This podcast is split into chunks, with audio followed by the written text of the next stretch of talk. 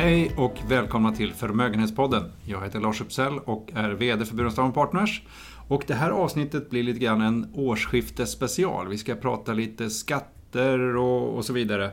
Och då har jag bjudit in Emma Krona. Vem är du? Jag sitter på Burenstam Partners och eh, sköter redovisning för våra kundbolag. Just det. Och du har skrivit ett årsskiftesbrev som vi har publicerat. Men vi tänkte att, eh, och sådana som jag tycker inte att det är jättekul att läsa, så då kanske det är roligare att lyssna på en podd. Så därför bjöd jag hit dig idag. Ja, trevligt. Tack. Du, ehm, om jag har gjort värdepappersaffärer under 2018, vad ska, jag, vad ska jag tänka på då? Om du har gjort vinster under 2018 och har orealiserade förluster kan du ta fram dem och kvitta förluster mot vinster. Har du istället förlust kan du realisera vinster för att helt eller delvis kvitta bort förlusten. Just det. Och nu har vi sista november idag, så man har en månad på sig att titta igenom det här också. Ja. Mm. Och vad gäller onoterade aktier då? Ja, eh, för onoterade aktier och aktier som är kvalificerade, till exempel då aktier i fåmansbolag, så gäller kvoteringsregler annorlunda för vinst och förlust. Och eh, det är då vinst redovisas till 100% och förlust redovisas till 70% och kvittning för onoterade fonder är inte tillåten. Det är inte tillåtet. Nej. Eh, och om man har tidigare uppskov vid försäljning av aktier, kan man använda dem då? Det kan man göra. Eh, om man har till exempel uppskov från försäljning av aktier i AstraZeneca eller ABB Limited så kan man lyfta fram uppskovet till beskattning och kvitta mot förluster. Och det kan man göra även om man inte säljer uppskovsaktien. Och eh, man kan också kvitta en aktieförlust genom att flytta, lyfta fram ett uppskov som uppkommit genom ett bostadsbyte. Okej Emma, men säg att jag har sålt eh, teckningsrätter, inlösenrätter eh, under året. Är det något speciellt att tänka på då? Ja, om man har sålt teckningsrätter, ett värdepapper som ger rätten att teckna aktier vid nyemission, eller inlösenrätter som ger rätten att lösa in aktier i ett inlösenprogram, så ska man tänka på att anskaffningsutgiften alltid är noll kronor. Alltid noll kronor, det ska mm. jag komma ihåg. Du, eh, hur sker beskattningen om jag har ett investeringssparkonto då? Eller kapitalförsäkring? Mm. Eh, ett investeringssparkonto, eh, om du har ett sånt eh, så tar det institut där du har ditt sparande fram ett kapitalunderlag och beräknar en schablonintäkt. Schablonintäkten beräknas genom att kapitalunderlaget multipliceras med 1,49 procent för inkomståret nu 2018. Procenttalet bestäms som statslåneräntan 30 november 2017, alltså året före, ökat med en procentenhet. Av schablonintäkten betalar man sedan skatt med 30 procent. Just det. Så att 13 november, för nästa år så bestäms det alltså idag. För det är 13 november idag. Mm, precis. Ja. Så vi vet redan nu hur det kommer se ut nästa år. Just det. Och det man ur ett investeringsperspektiv som man måste tänka på då, det är ju att man egentligen har en avkastning nu som överstiger 1,5% för då blir det bättre att ha det i investeringssparkonto eller kapitalförsäkring. Så mm. att man behöver inte tänka mycket mer än så va? Nej, precis. Nej. Du, eh, är det någonting som jag behöver ta upp själv i deklarationen? Nej, institutet där man har kontot lämnar en kontrolluppgift till Skatteverket eh, så schablonintäkten ska vara förtryckt i deklarationen. Eh, men man gör inget avdrag för preliminärskatten på schablonintäkten eh, så det måste man tänka på i sin deklaration sen. Just det. Och kapitalförsäkringar, är det någon mm. skillnad där? För kapitalförsäkringar så fastställs också ett kapitalunderlag. För inkomståret 2018 multipliceras det även här med 1,49% för att få fram skatteunderlaget. Eh, skatten kallas här avkastningsskatt och beräknas med 30% av skatteunderlaget. Eh, och Skatteverket får en kontrolluppgift från det institut där man har kapitalförsäkringen eh, och avkastningsskatten är då förtryckt i deklarationen. Ja. Så att det, det, är ganska marginella skillnader på skattesatserna mellan ett investeringssparkonto och kapitalförsäkringar. Mm. Lite olika tekniskt bara. Mm. Men när det gäller utländska kapitalförsäkringar, då kan det vara lite annorlunda. Mm. Den är oftast inte förtryckt i deklarationen, den eh, skatteunderlaget, utan det får man ta fram själv eh, och notera rätt värde i deklarationen. Eh, och om man vill då så hjälper vi dig som kund naturligtvis och tar fram korrekt värde. Även fondandelar schablonbeskattas. Eh, jag tror du nämnde det tidigare också. Mm. Hur beräknas skatten för en fond då? Och det är väl bara om man inte har det i ett investeringssparkonto eller kapitalförsäkring? Precis, det är ja. om det ligger i depå.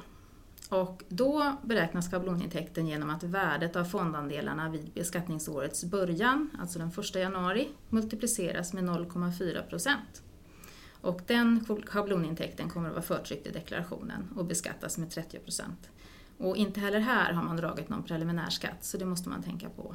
Okej, vi lämnar de finansiella tillgångarna och går över lite mer till det man kan ta på. Så om jag har sålt min eh, bostad, eh, gjort vinst, hur beskattar man av?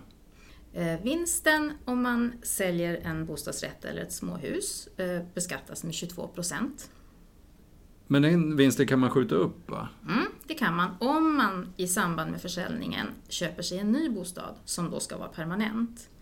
Eh, det finns ett antal förutsättningar för att få uppskov med vinsten. Eh, man måste ha bott i bostaden minst en viss tid till exempel. Alla sådana förutsättningar finns angivna på Skatteverkets hemsida. Eh, och möjligheten att göra uppskov kommer att finnas fram till och med sista juni 2020. Just det. Och vill man inte gå in på Skatteverkets hemsida kan man ju kontakta dig också. Ja, absolut. Ja. Och om jag har gjort ett sånt här uppskov då, på försäljning av bostad, Eh, påverkar det deklarationen? Mm, det gör det. Om du har ett eh, uppskovsbelopp vid ingången av ett inkomstår så kommer det att eh, finnas en schablonintäkt förtryckt i deklarationen. Och det, den är på 1,67 procent av uppskovsbeloppet och beskattas sen med 30 procent. Och inte heller här görs det preliminärskatteavdrag. Just det. Och om vi håller oss kvar vid bostäder och fastigheter, vad, fastighetsavgiften mm. på fastigheter, hur ser den ut för 2018? Den kommunala fastighetsavgiften för småhus är 7 812 kronor eller högst 0,75 procent av taxeringsvärdet om det är en lägre avgift.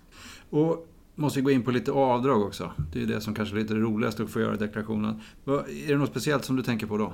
Eh, ja, vi har ju framförallt då ROT och RUT avdrag. Och eh, ROT kan man göra avdrag med 30% av arbetskostnaden eh, för sådana tjänster och avdraget för RUT är idag 25 000. Eh, personer som är födda, fyllda 65 år har rätt att dra av 50 000. Har du några mer tips på mer avdrag? Ja, vi har också schablonavdrag för privatuthyrning av bostad. Och schablonavdraget för andrahandsuthyrning är 40 000 kronor för året. Och det innebär att inkomst av uthyrning upp till 50 000 kronor blir skattefritt. Ja, det är bra. Det måste man tänka på om man har, då har hyrt ut i alla fall. Mm. Du, ehm, om jag konstaterar att jag kommer ha skatt att betala till Skatteverket, eh, hur hanterar man det bäst då? Har du några tips på det? Ja, för att undvika kostnadsränta, som nu är 1,25 procent, så ska den del av skattebeloppet som överstiger 30 000 kronor vara inbetalt till Skatteverket senast den 12 februari 2019. Det kvarvarande beloppet på 30 000 kronor eller om beloppet är mindre än 30 000 kronor ska finnas på ditt skattekonto senast den 3 maj. Ah, okej. Okay. Och ska vi sammanfatta om det är något speciellt man ska tänka på när man närmar sig deklaration här då? Ja, det är mycket att tänka på. Eh, vad gäller schablonintäkten för investeringssparkontot, för fondandelarna och för uppskov av vinst vid försäljning av permanentbostad ska man tänka på att någon preliminärskatt inte är dragen. Och sen ska man inte glömma att ta upp avkastningsskatten för utländska kapitalförsäkringar. Men i det här sammanhanget, om vi tycker att det är jobbigt med deklarationen, då kan vi tipsa om att du gärna gör dem. Absolut. Ja, det är bra. Eh, om vi tittar på transaktioner, många av våra kunder har ju transaktioner som går inte bara innanför Sveriges gränser utan det går även utomlands. Eh, vilken kontroll får Skatteverket på den här typen av transaktioner?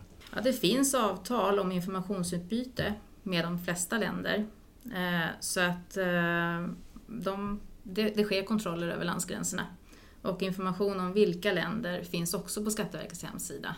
Eh, men det är de flesta länder. Det är de flesta länder. Mm. Och om vi blickar framåt mot en månad framåt så är det 2019. Är det något speciellt som händer då i den här skatte, skattevärlden? Ja, häromdagen tog man ett beslut om en obligatorisk public service-skatt som kommer att ersätta den nuvarande radio och TV-avgiften. Och eh, den innebär att alla med beskattningsbar inkomst och som är över 18 år kommer att betala den här nya skatten och det gör man då via skatteavdrag på lönen.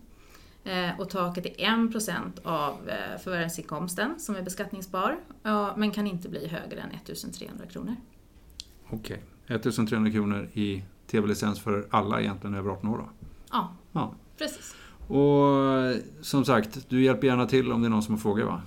Det gör jag. Vi har en lång erfarenhet eh, när det kommer till skattefrågor och har även ett nätverk av externa specialister vid komplicerade ärenden. Så har man några frågor eller tveksamheter runt deklarationen så är man alltid välkommen att kontakta antingen förmögenhetsrådgivare eller Burenstam Partners. Ja, då återstår inte mer för mig än att tacka lyssnarna för att ni har lyssnat och påminna lite grann om att vi har mycket att läsa och lyssna på på Bevara och utveckla som ligger på vår hemsida burenstam.se. Tack för att ni har lyssnat.